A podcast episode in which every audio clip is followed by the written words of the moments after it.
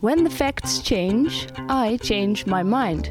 What do you do, sir? Nou ja, was getekend John Maynard Keynes en deze week geciteerd door ECB-bestuurder Isabel Schnabel. Ja, Peter Paul, wat moeten we daar eigenlijk uit opmaken? Nou, daar moeten we uit opmaken dat we geen rente meer gaan verhogen. En uh, Isabel Schnabel heeft gezegd dat ze de inflatiecijfers dat ze dat een uh, aangename verrassing vindt. Een pleasant surprise. En uh, ja, de markt rekent nu op renteverlaging in 2024. Dus dat is uh, goed nieuws voor de beurs. Ja, ik wil zeggen, dat stemt vrolijk. En daarover nou, straks meer. Ik zit hier, u hoorde hem al even, met Peter Paul de Vries, CEO van Value8. Commissaris van IEX ook tevens. Um, en met Martin Krum, analist bij beleggersdesk van IEX. We gaan het hebben over rente en inflatie, Air France, KLM, Pfizer en natuurlijk de luistervragen. Het is vandaag 8 december, Sinterklaas is opgedonderd. We nemen zoals je van ons gewend bent op vanaf het beursplein. De AEX staat op 87,5. Daar gaan we. En we beginnen even met de actualiteiten, uh, de brede markt. Peter Paul, hoe was jouw beursweek? Nou, niet mijn beursweek. Ik ben ook toeschouwer natuurlijk. Nee, jouw beursweek. Maar het was een... Uh, een en uh, het is eigenlijk toch wel een goede beursweek. Dus de eerste twee dagen gebeurde er eigenlijk helemaal niks. Het was een hele vlakke index. En uiteindelijk staan we nu uh, ruim een procent hoger, 1,5 procent hoger. En uh, een hele goede onderliggende stemming. En ik denk dat dat vooral komt door uh, ja, de renteontwikkeling. De rente is uh, flink aan het dalen in Europa en in de VS. Ja, en dat maakt het klimaat voor beleggers een stuk beter. Ja, maar toch, hè, dan moet ik even kritisch zijn. Want we zitten wel, technisch gesproken, in een recessie. Al drie kwartalen is de economie aan het krimpen. Ja, dus wat, nou, wat ik, vind dat een die, hele, ja. ik vind dat een hele technische discussie over 0,1 plus of 0,1 min. Je zegt het is een definitiekwestie. Nou, het is een definitiekwestie, ja. Uh, als, het, als het net 0,1 anders valt, dan is het geen recessie. Uh, het is in ieder geval geen zware recessie. Het is zo licht. Eigenlijk is die economie relatief vlak. En uh, nou, dat is geen goed nieuws, maar het is ook niet uh, dramatisch. Ik zie geen huilende mensen hier op het uh, Damrak. Ik zie ze ook niet buiten. Er wordt flink geshopt nog steeds voor, de, voor, voor kerst, dus dat valt mee. maar dat is ook eigenlijk de bedoeling geweest. De bedoeling is geweest om de rente te verhogen, de economische activiteit te laten afnemen. Dat is gelukt eigenlijk, plan gelukt.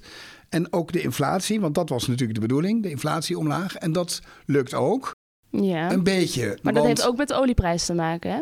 Nou ja, je hebt eigenlijk twee soorten inflatie waar mensen naar kijken. Het officiële getal, daar zit dan ook olie in en ook voedselprijzen. En uh, dat daalt harder omdat de olieprijs omlaag is. Ja. En dan heb je kerninflatie en daar worden die twee zaken uitgecijferd of uitgefilterd.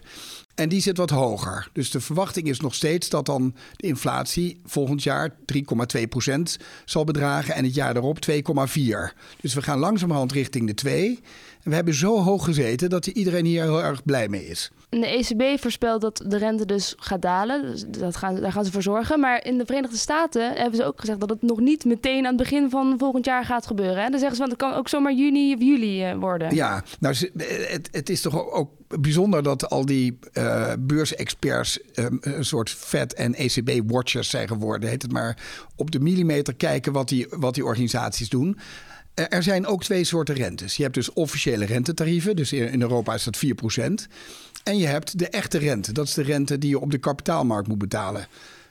Um, die is al een stuk lager. Dus in Duitsland, een 10-jaars obligatie heeft nu een rendement van 2,2%. En in Nederland is dat 2,5%.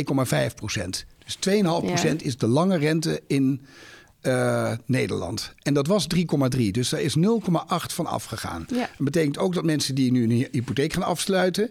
dat die aanzienlijk minder rente hoeven te betalen dan... Uh, een paar maanden geleden. Dus, dat, dus uh, die markt die loopt op de zaken vooruit. Op het moment dat je ziet dat de inflatie omlaag gaat, dat de ECB waarschijnlijk die rentestanden gaat, uh, die rentetarieven gaat verlagen, dan anticipeert die markt, die probeert dezelfde dag nog om dat allemaal in te prijzen. Dus mm. we zien eigenlijk al dat een groot deel van dat feest wat volgend jaar gaat komen, dat we dat nu al hebben. Oké, okay. en wat we ook nu zien is dat mensen nou ja, het weer obli over obligaties hebben. Dat wordt weer heel populair. Um, ja, als je het aan mij vraagt, ik zou zeggen, obligaties is nog steeds niet heel interessant. Want ja, de obligatie, als, als nu de rente 2,5% is, dan ga je er ook niet heel veel op verdienen als ook de inflatie nog gewoon vrij hoog is. Dus ja, uiteindelijk levelt dat zich uit en levert het Ja. helemaal nog steeds niks op. Dus ik zou zeggen, nog steeds niet interessant. Maar ja, Ja, nou, ik, ik denk. eh, ehm, ehm, ik denk dat je het beter doet dan eh, heel veel experts. Um, ik herinner mij de beleggingsdag van anderhalf jaar geleden. Toen was ik, wilde ik een beetje de zaal teasen. En zei ik, zijn er mensen die obligaties hebben? We hebben hier toch geen domme mensen. Niemand durfde zijn hand om mijn ogen te steken. Maar op 0% obligaties houden is een beetje onverstandig. Ja. Maar het is gewoon waar. Je kunt het gewoon berekenen. We hebben, krijgen dus nu 2,5% rente op een Nederlandse obligatie. Moet je 10 jaar je geld voor vastzetten. Inflatie is 3,2%. Dus daar word je al armer van. Daarnaast moet je nog belasting betalen. Even afhankelijk van welke regering dat wordt, is dat tussen de 1 en de 2 procent. Dus je eindigt in de, in de min. Dus het is heel onverstandig om, uh, om dat te doen. Ja, tenzij je geld, nodig geld binnenkort nodig hebt, dan, dan zou je obligaties kunnen doen. Maar op zich is het niet in mijn ogen een hele interessante nee. uh, het is eigenlijk een veilige haven voor als je in ieder geval zeker wil zijn dat je niet heel veel rendement uh, nou, krijgt. Ik, uh, de, de beste manier om arm te worden. Nou is een beetje de vraag ook waarom... Um, ja, waarom doen mensen dan toch? Waarom ja, is, want, ja. Mensen doen dat ook niet. Um, als je kijkt hoeveel mensen hun geld in obligaties stoppen, is dat echt enorm afgenomen. Vroeger was dat een hele populaire uh, veilige haven, maar dat was met rentepercentage van 5 tot 7 procent. Nu is het zo dat wij onze verzekeringsmaatschappijen en onze pensioenfondsen dwingen om obligaties te kopen. Die moeten 40 of 50 procent in obligaties zitten. Die zitten gedwongen in een slecht product.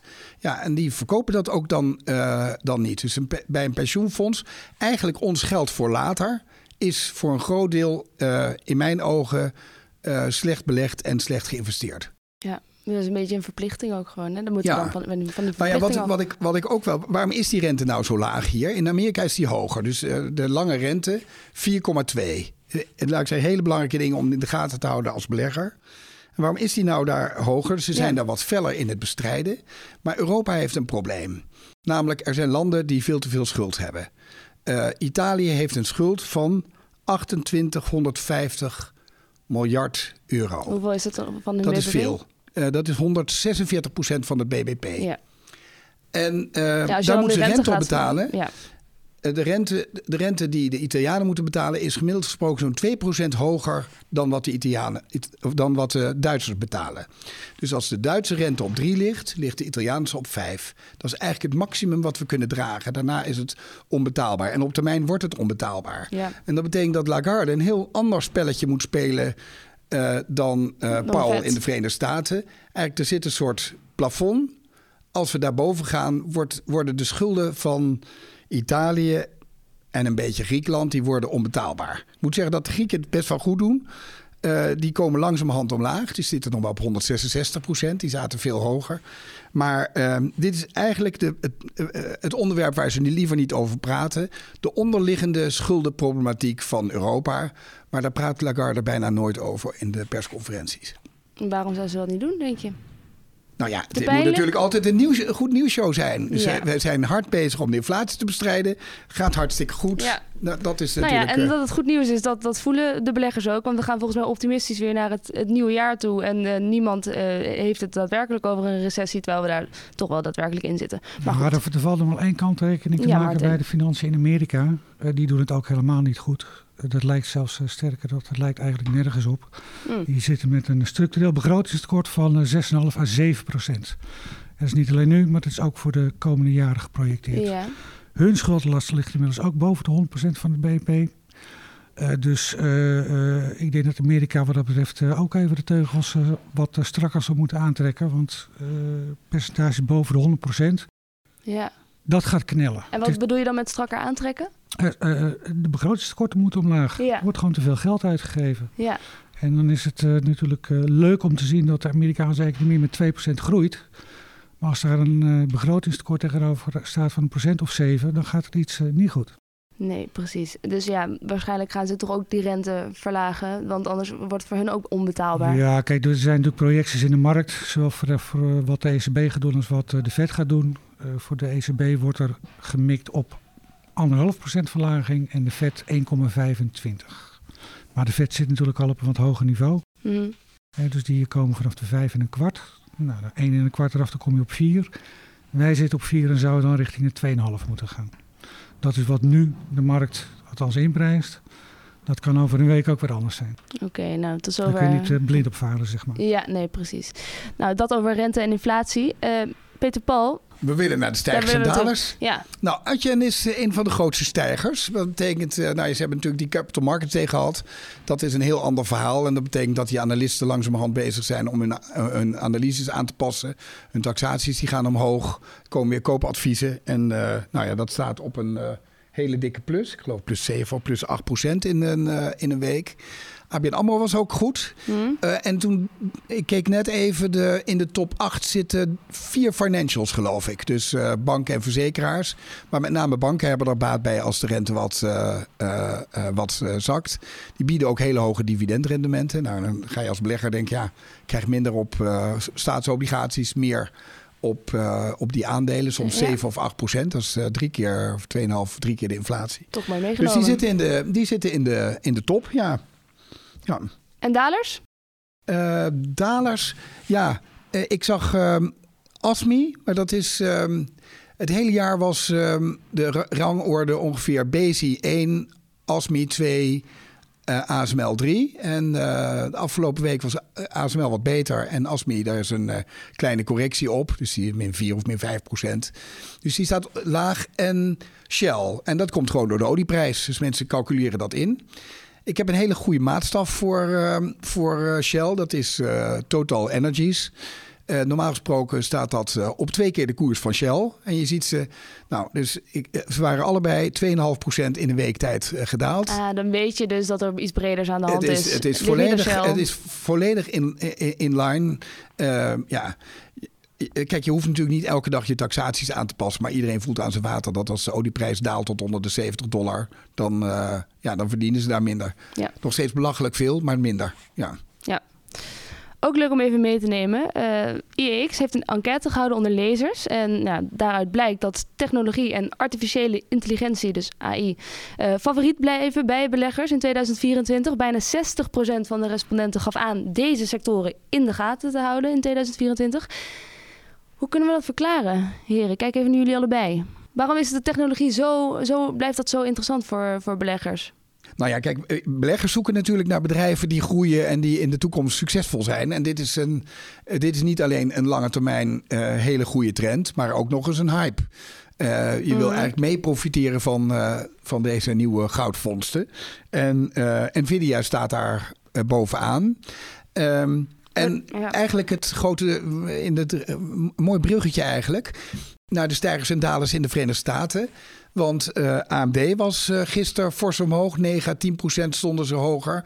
Dat was omdat er een nieuwe chip wordt geïntroduceerd die moet concurreren met de uh, database AI chip van Nvidia. heel goed ontvangen.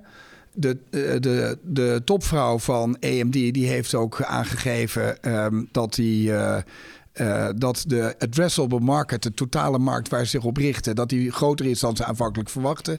Dat ze meer dan 2 miljard uh, kunnen verkopen uh, van die AI-chips volgend jaar. Dat is heel positief, plus 10 procent. Dus moest, hebben ze het even beter gedaan dan Nvidia. En gisteren was, ehm, kwam Google, Alphabet, met ehm, ehm, Gemini. En dat is een soort chat, chat GPT. Ja. En een betere chat GPT. En dat is ook heel goed ontvangen. Goed ontvangen Koers ja. plus 6 procent.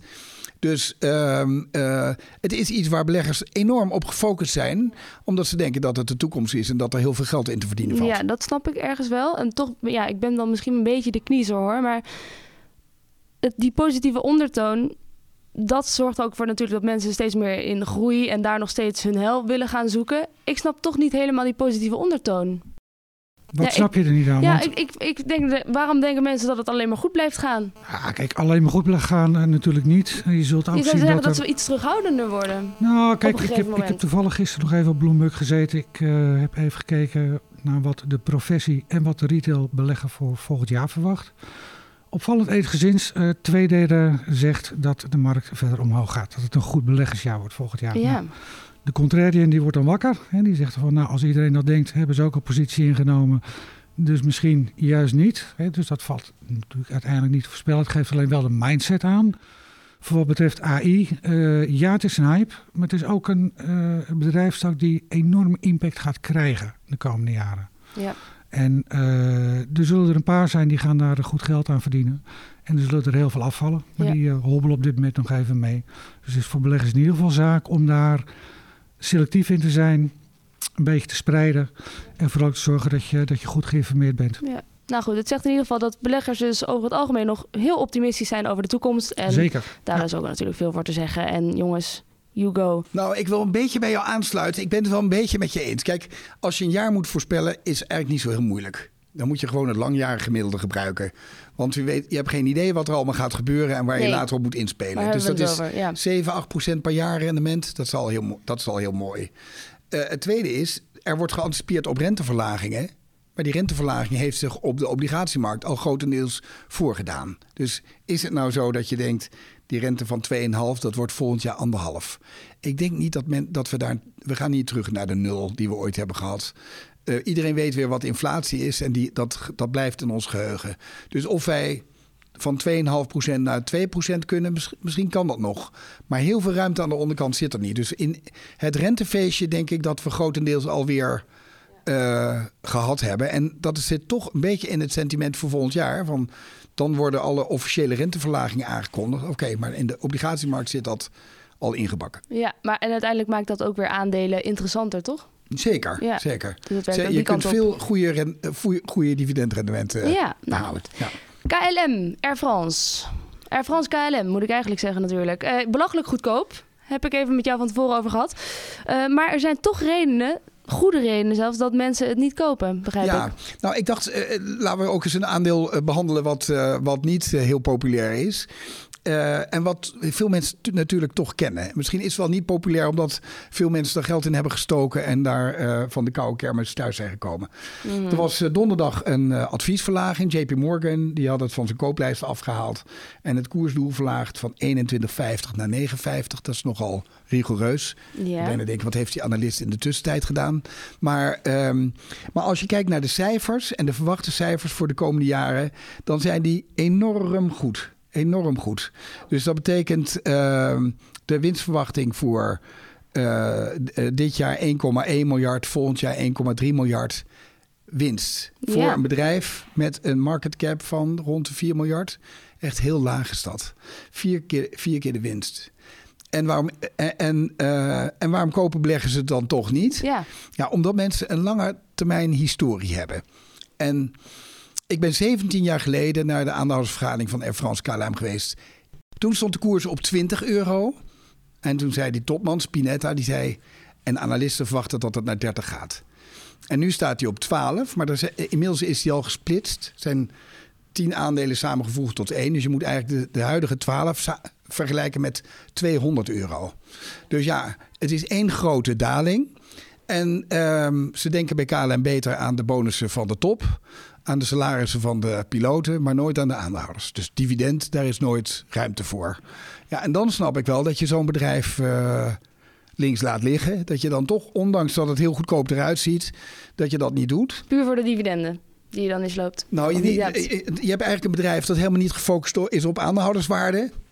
En het heel zwaar heeft gehad maar in is dat juist niet een positief ding ook? Als je niet al te erg gefocust bent op aandeelhouderswaarde. Want dan richten ze zich blijkbaar ook op zaken die waarschijnlijk heel belangrijk zijn binnen hun bedrijf. Zoals uh, salarissen van uh, de top. Ja, nou goed, dat is, maar het een betekent nog niet dat ze het ander niet nou, goed doen. Nou, ik denk dat uh, een goed bedrijf... Ehm, kijk, je moet, je moet voor al je stakeholders goed zorgen. Dus je moet zorgen dat je medewerkers goed beloond worden... en ja. happy zijn met hun salaris. Je moet je leveranciers op tijd betalen. Die vinden dat ook fijn. En die aandeelhouders die risico lopen, die moeten ook iets krijgen. Die moeten, en die krijgen dat in de vorm van koersstijging, waardestijging en dividend. Ja. En die moet je ook tevreden houden. En als die 17 jaar daar zitten en 90% hebben verloren en nooit dividend hebben gekregen, dan wordt die. En de salarissen wel verhoogd zijn. Zeker, en, ja. zeker. Dus, ja, dus ik zou zeggen, koppel, um, koppel het salaris van die mensen een keer aan het dividend, dan wordt het een heel ander verhaal. Maar nou, wie weet luisteren ze en nemen ze dat mee. Maar ik heb ook even gekeken naar de coronadip, want dat hebben ze gehad. Uh -huh. En toen ja, ik bedoel, in de voorbereiding op de podcast. En dan zie je dat uh, Ryanair het veel beter doet dan, uh, dan Air France KLM. Dus daar, die zijn... Uh, in de coronadip. Um, als je nu kijkt, de, de omzet volgend jaar is waarschijnlijk twee keer zo hoog als het jaar voor corona bij hen. En, ja. en Air France KLM en ook Lufthansa, die zitten net op dat niveau of een beetje hoger. Als je dat corrigeert voor inflatie, is dat niet, niet, uh, blijft er niet veel over. Mhm. Dus uh, Ryanair is duidelijk beter in de branche, is ook duurder. Maar dat is een bedrijf waar je, um, waar je niet 90% van je waarde verliest. Maar die Ja. gewoon qua, qua waarde uh, ook weer terug zijn op pre-corona niveau. Ja. Dus je ziet hier in deze sector heel duidelijk dat je voor, ehm, voor kwaliteit iets meer betaalt. Maar dat je daar op lange termijn ook veel meer aan hebt. Ja, nou kwaliteit hebben we het dan inderdaad over eh, het bedrijf aan zich. En als je in een vliegtuig zit, zit ik toch liever in een KLM dan in een Ryanair natuurlijk. Maar Nou ja, dat, Ik snap wat je ik, kijk, ja, sorry, dat, dat is eh beroepsinformatie. Ik kijk heel anders naar bedrijven. ja, dat Dan kan jij? ik me voorstellen. Ja. Ik, nou, dat. eh, ehm, misschien, misschien goed dat als je in een KLM-toestel zit. En je geniet daarvan dat je dan de aandeelhouders een bedankje stuurt. Want dat is dan ook het enige wat ze krijgen. ja, jongens, bedankt. Nou, ik wil er ook nog wel wat over zeggen. Nou, kom maar. Eh, ik heb ook even naar de luchtvaartmaatschappij gekeken in iets bredere zin. Eh, Warren Buffett heeft in 2016 eh, flinke belangen in de luchtvaartmaatschappij genomen. Die heeft eh, aan het begin van de coronadip, eh, als ik het even zo mag noemen, heeft hij zijn belangen met eh fors verlies verkocht. Mhm. En dat is op zich wel interessant, want eh, deze man is natuurlijk, eh, die staat bekend om eh, zijn eh oeverloze geduld. Die kan rustig eh, 30 jaar in de aandacht blijven zitten. Ja, Dat heeft hij bij de airliners toen niet gedaan. Hij heeft een verlies gepakt van 3 miljard. dat was zijn Daar motivatie. kreeg hij toen de tijd veel kritiek op. Ja. En hij heeft dat een paar jaar later heeft hij dat pas toegelicht. Mhm. En dus op zich voor beleggers ook nog wel interessant om even mee te kijken in de man zijn hoofd. Hij heeft aangegeven, ik ben eruit gegaan omdat ik bang was dat op het moment dat de airliners in Amerika staatssteun zouden aanvragen, hè, omdat natuurlijk alles plat lag, ja. dat de Amerikaanse overheid had gezegd van joh, jullie hebben een rijke aandeelhouder, Warren Buffett, klop daar maar aan voor geld. Ah, Dat was zijn eerste overweging. En zijn tweede overweging, die is misschien nog wel interessanter. Hij zegt, ik kan eigenlijk nu eh, niet meer goed voorspellen eh, waar de luchtvaartmaatschappijen heen gaan. En dat heeft hij verder niet toegelicht. Maar ik heb zo'n vermoeden dat dat met name samenhangt met eh, het CO2-verhaal. nou ja. Vliegen is natuurlijk slecht. Ja, Eh, en ik denk dat hij daarop heeft bedoeld dat hij zegt van, joh, ik kan nu niet meer voor de langere termijn goede projecties maken van wat mag ik van Ja, ja. verwachten. Want eh, we moeten eigenlijk met z'n allen minder gaan vliegen. ja, nou ik denk dat zolang we met privéjets met z'n 70.000 naar een klimaattop in Dubai gaan, dat Warren Buffett zich nog niet heel erg zorgen hoeft te maken over of dat op korte termijn heel erg gaat veranderen. Maar Ja, maar dat is natuurlijk eh, incident. verschil, een verschil tussen eh, een, een clubje die wat meer te zeggen heeft en laten we zeggen de gewone eh, burgers. ja, het is natuurlijk duidelijk dat wij dat eh, de CO2-uitstoot omlaag moet. ja, En de luchtvaartmaatschappijen zijn natuurlijk wel een grote vervuiler. ja, Los, los van wat je daarvan vindt, ja eh, is goed. dat natuurlijk wel iets wat eh, st- steeds prominenter naar voren komt. En ik vermoed dat Buffett daarom heeft gezegd, ik, eh, ik haak af. Ik wil ons gesprek over de actualiteiten een beetje afronden, maar niet voordat we de beste tips van Peter Paul hebben gekregen voor Beste ja, tips. wat we nu moeten gaan doen. Wat moeten we doen? Nou, de beste tip, mijn beste tip blijft...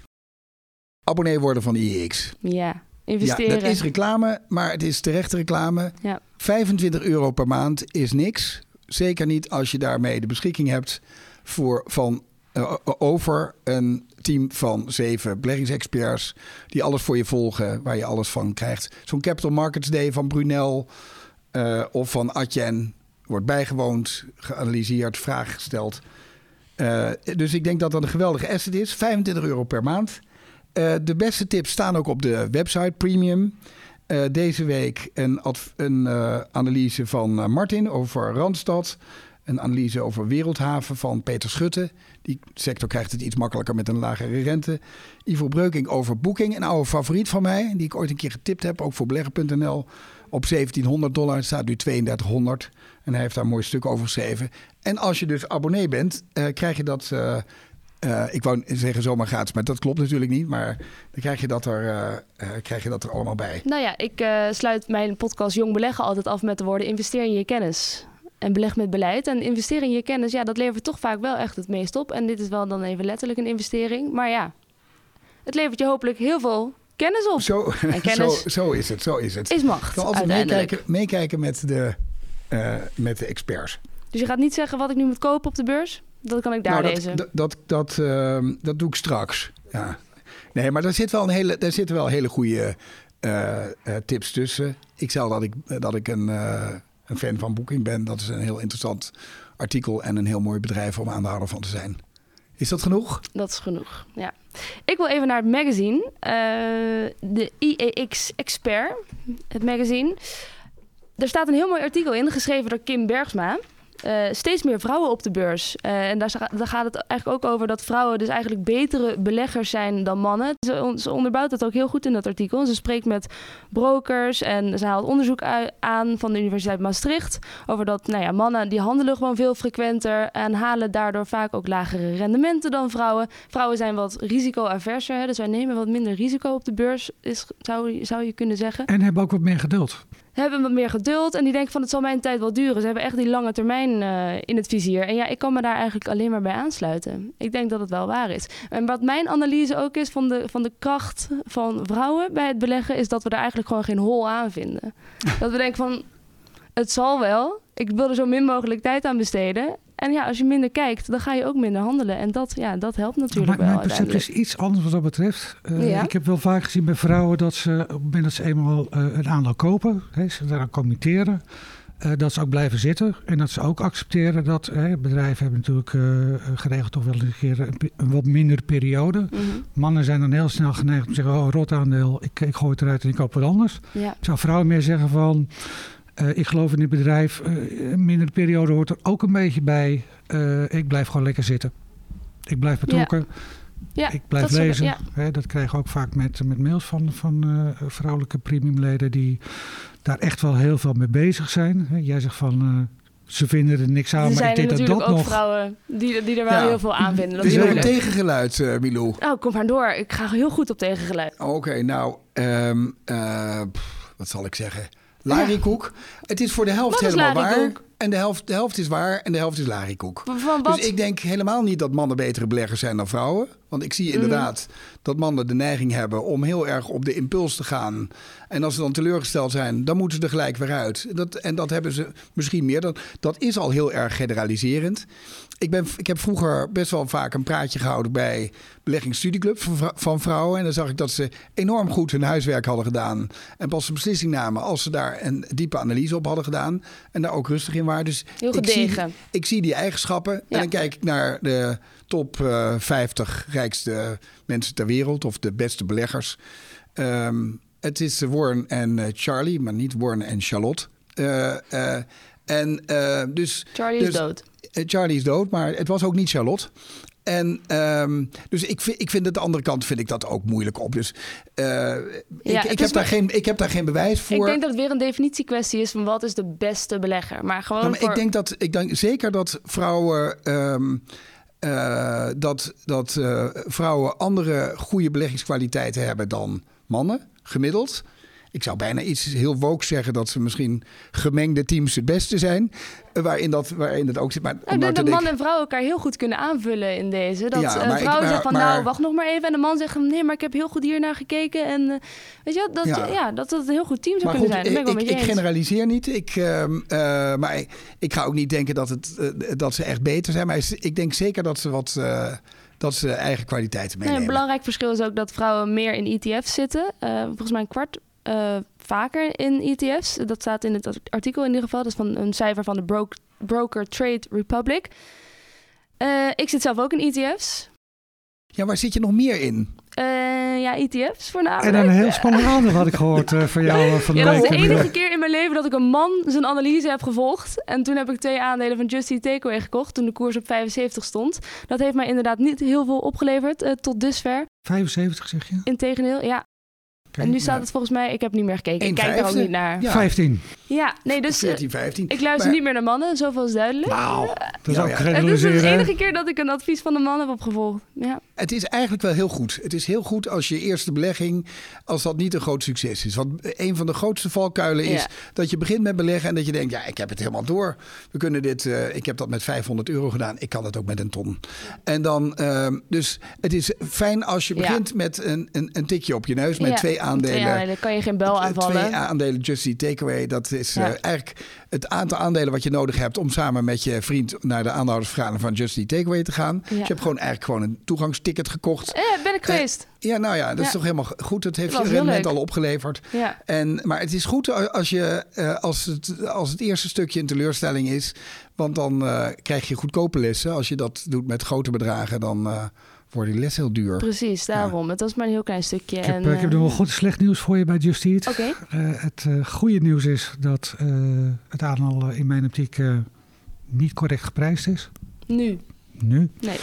Het slechte nieuws is dat die 75 euro... Gaan we nooit meer naartoe, hè? Nou ja, nooit is een groot woord. Dat mhm. weet ik ook niet. Alleen 75 euro zou wel erg ambitieus zijn. Oké, dus zou je dan zeggen dat ik op een gegeven moment toch maar mijn verlies moet nemen? Of zou ik het gewoon lekker voor eeuwig vasthouden? Ik denk voor die twee keer 75... Gewoon lekker blijven zitten. Je kan elk jaar naar de aandeelhoudersvergadering. En je hebt ook recht om te klagen. Dus dan uh, gewoon doen. Oké, dank jullie wel voor dit persoonlijke advies. Ja, ik zag nog meer uh, in dat blad. Hartstikke leuk. Uh, ik weet dat er heel veel particuliere beleggers in AMG zitten. En daar staat een hele mooie analyse van uh, de wedstrijd Albert Marley tegen, ik moet dan zeggen, AMG. Ehm, en lithium is hot. alleen de koers afgelopen jaar enorm gedaald. En ja, dat heeft ook impact op de koersen van die bedrijven en de winstverwachtingen. Maar um, ja, als uh, grondstof bij elektrisch rijden is dat wel uh, is dat, is dat hot. En ik denk een heel leuk artikel om te lezen. En toen dacht ik spontaan, dacht ik, laat ik eens een actie houden voor het blad. Mensen die nu luisteren en graag het blad willen lezen, kunnen een proefnummer krijgen. En dan moeten ze naar info.iex.nl een mailtje sturen met hun adresgegevens en de actiecode IEX24. En als u dat nou gewoon doet, info.iex.nl. Krijg je er eentje thuis Krijg je er gewoon gratis een thuis, thuis gestuurd. En dan heb je gelijk op je mat het beste beleggingsblad van Nederland. Nou, ik vind dat een mooi gebaar. Dat betekent ook dat je uh, vertrouwen hebt in uh, ja, de inhoud die erin staat. Want je denkt van nou, als ze er één keer lezen, dan willen ze er, nou, zeker. Willen dan, ze er nooit meer mee stoppen. Ik, dan, uh, dan, dan wil je niet meer. We gaan naar het beste van de beleggersdesk. Martin Krum, we gaan het hebben over Euronext en Pfizer. Laten we even beginnen met Euronext. Euronext, ja, dat is een uh, aandeel wat uh, bij de meeste beleggers niet op de radar staat. Beetje saai, hè? Vinden we. Ik wil onze verhuurder niet tegen hun schenen schoppen. Oh ja, daar zitten we uh, natuurlijk. Ja. We zitten in het aandeel Euronext. Dat is helemaal Maar het is inderdaad een beetje saai, dat klopt. En, voor saai is niet verkeerd natuurlijk. Hè? Dat, bij beleggen is saai helemaal niet verkeerd. Nee. dat is al vaker ter sprake gekomen tijdens deze podcast en dat klopt ook wel. We hebben afgelopen voorjaar hebben wij het aandeel op. Uh, nou, daar hebben we een koopadvies voor uitgestuurd naar leden toe.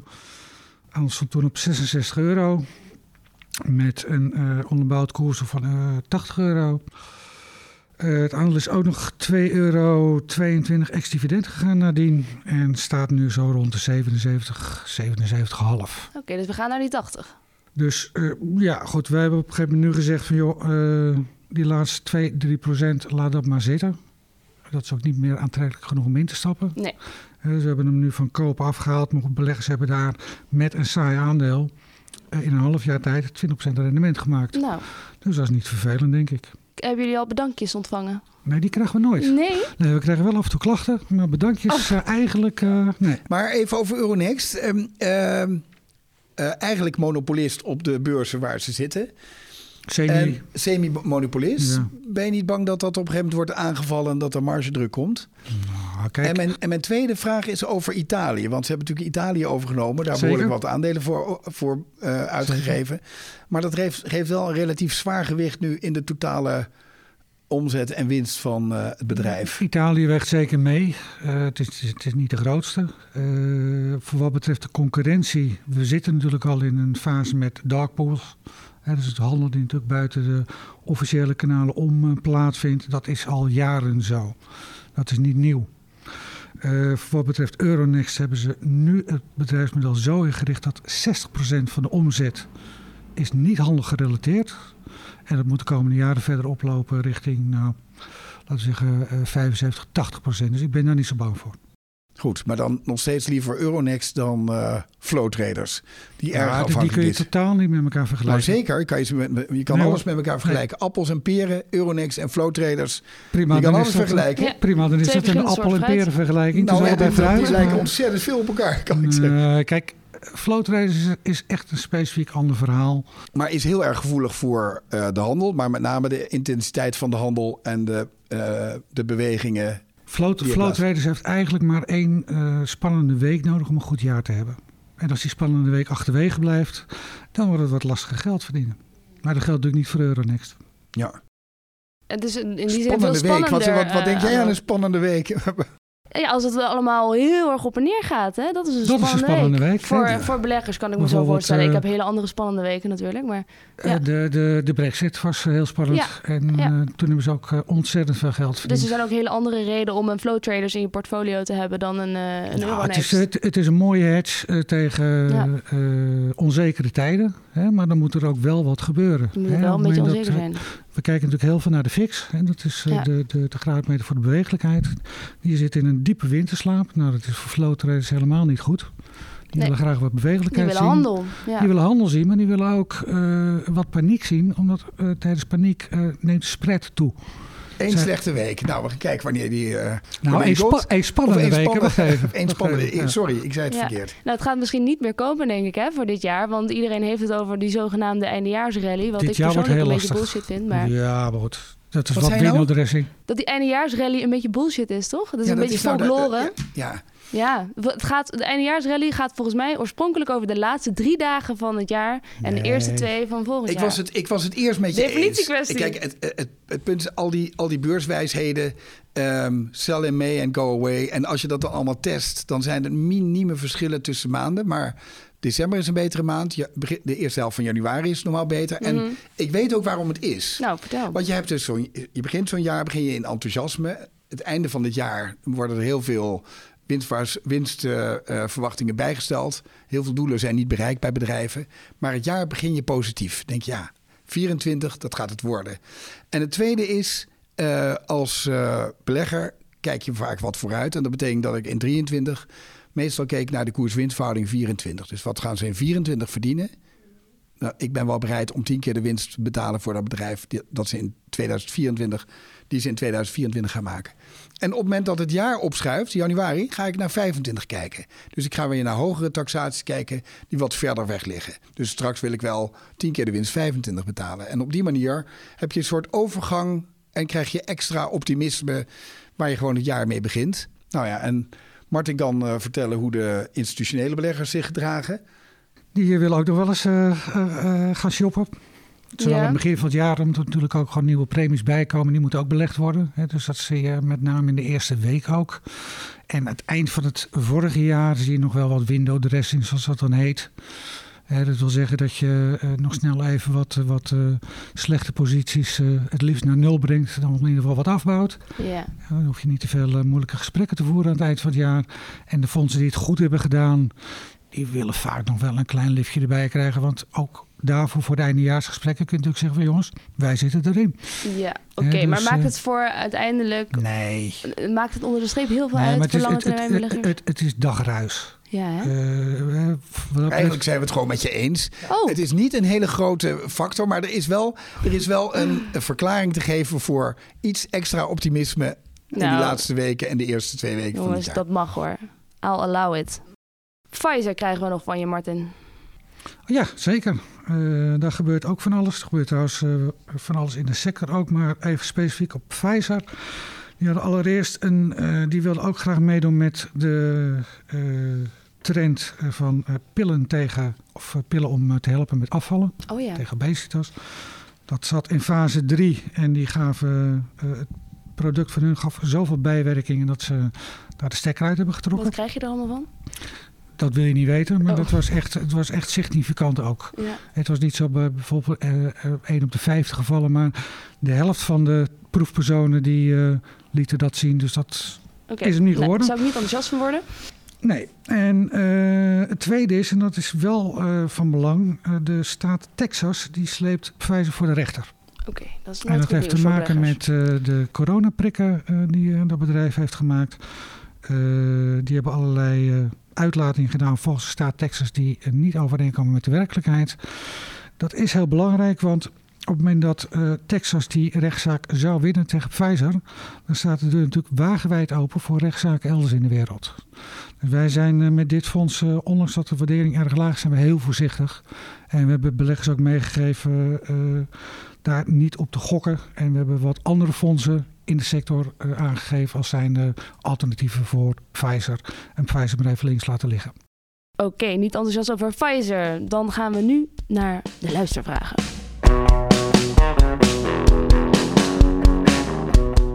Uh, eerste vraag is van Maurice. En die stel ik even aan Peter Paul. Hoeveel bedrijven zitten er in de modelportefeuilles van IEX? Ja, er zijn best wel wat vragen over en dat is ook wel uh, terecht. Um, uh, kijk, er, er, er, worden allemaal tips gegeven en adviezen gegeven op de website. Maar uh, mensen hebben gewoon een hoeveelheid geld te beleggen en willen dat spreiden en willen daar een portefeuille van bouwen. En daarom heeft IEX modelportefeuilles sinds medio 22, denk 2022. ik. 2022. Ja. 2022. Die modelportefeuilles doen het hartstikke goed. En betekent dat er een portefeuille is voor Nederland, voor internationaal en voor uh, dividend. Hoog dividend. En, ja. en met name de dividendportefeuille, die doet het hartstikke goed. Uh, veel beter dan heel veel andere uh, dividendportefeuilles. daar zitten op dit moment zes aandelen in. De start was op 10. En er is wat cash, dat, die zal op korte termijn wel worden geïnvesteerd. Maar daar zitten een aantal bedrijven in die en hele goede kaststromen hadden. En ook heel veel dividend uitkeerden. En op, bij het begin van die portefeuille was dat zelfs zo extreem dat het vaak 8, 9 of 10 procent was wat, wat die uitkeerde. En de topper daar is Stellantis.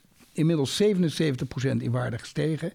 En, uh, en die hele portefeuille die staat op uh, 35 procent uh, winst. Dus die doet het hartstikke goed. Stellantis is de grote winnaar, maar er zit ook bijvoorbeeld Allianz in. Dat het veel beter heeft gedaan bijvoorbeeld dan de Nederlandse verzekeraars en de Duitse verzekeraar zit erin. En een van de grootste banken van Europa, BNP Paribas. Ja. Dus dat gaat heel goed. Maar Maurice stelt natuurlijk de vraag omdat hij wil weten van hoeveel bedrijven zitten erin. Omdat voor het, een, een, kleine belegger is het moeilijker om dat na te bootsen als er heel veel bedrijven in zitten. Ja, de basis is van de portefeuille 10 bedrijven of maximaal 10 bedrijven. Dus het kan ook zijn dat je op een gegeven moment één positie verkoopt en dat je dat in bestaande posities uh, uh, stopt. Maar liefst 10 bedrijven en. Ja. En het streven is ook uiteindelijk vol belegd. Alleen daar zit geen eis aan. De bedoeling is dat mensen een hou, houvast hebben bij de keuzes die ze zelf willen maken. Als mensen focus hebben op direct inkomen, dan is die dividendportefeuille het meest voor de hand liggend. Juri stelt de vraag: moet ik nu in goud gaan beleggen? Want goud ja, staat op een all-time high. Ja, Martin. Moet ik nu in goud beleggen? Nou, ja. uh, je moet uiteraard niks. Uh, is het een goed idee? Ik denk het wel. Ondanks dat het dan hè, rond een all-time high staat. Goud heeft door de, door de eeuwen heen zijn monetaire functie behouden. Dat kunnen we van bitcoin niet zeggen. Want dat uh, laten we maar eventjes voor wat het, voor wat het is. Mm. daar zijn wel wat valkuilen. Dus voor beleggers is het wel zaak om zich even goed in te lezen. Uh, niet te beleggen in goudexploratiebedrijven. Dat zijn uh, vaak uh, bleeders, mooie verhalen die niks opleveren. Er zijn een paar goudproducenten die op zich nog wel interessant zijn. Maar daarvoor verwijs ik graag naar premium. en uiteraard zou een belegger ook kunnen zeggen: ik wil een stukje fysiek goud thuis hebben. Ja. maar wat, wat je vooral ziet is dat mensen zeggen: ik wil een stukje diversificeren. Goud gedraagt zich anders dan aandelen, obligaties en vastgoed. En als ik dat spreid en ik doe daar 5% in of 3% in, dan heb ik ook wat zekerheid als het uh, misgaat in de wereld. Dat is vaak uh, nou ja, ik het wil argument. voorstellen dat je gewoon voor je partner een mooie gouden ring kan kopen. Dan heb je meteen twee vliegen in één klap. Ja, ja dat, is dat, is niet helemaal, dat, is, dat is niet helemaal hetzelfde. En er zit natuurlijk ook een forse marge op voor de uh, juwelier. Ik heb het echt over fysiek goud kopen, bijvoorbeeld inderdaad bij een Amsterdam Gold. Okay. Uh, en het dan uh, thuis bewaren. Uh, het is, ik moet er wel bij zeggen, doe het ter spreiding van je vermogen en koop het vooral niet als speculatie. Dus dat heeft iets over zitten. Het rendeert ook niet. Hè. Je krijgt geen dividend, je krijgt geen rente. Het zijn allemaal dingen die ook een rol spelen. het kan geen kwaad om zelf fysiek wat goud hebt. Maar je kan bijvoorbeeld ook in een ETF goudtrekker beleggen. Ik ben het toch gewoon met Milou eens. Ja, je moet gewoon, uh, als je dan toch geld hebt, is het toch leuk om een, om een mooi sieraad aan je partner te geven. Ook een beetje ja, doe er wat mee met dat geld in je leven. Ja, toch? nou, ik hoop dat de luisteraars dit advies ter harte nemen en allemaal lief zijn voor elkaar tijdens kerst. Nou jongens, uh, ik ga afsluiten. Dank jullie wel, Peter Paul, Martin Krum, voor jullie expertise op deze vele vlakken. Uh, ik wil nog aan de luisteraars meegeven dat ze IEX kunnen volgen op X, voorheen Twitter, en ook op Instagram. En sluit ik af met de woorden: veel succes op de beurs.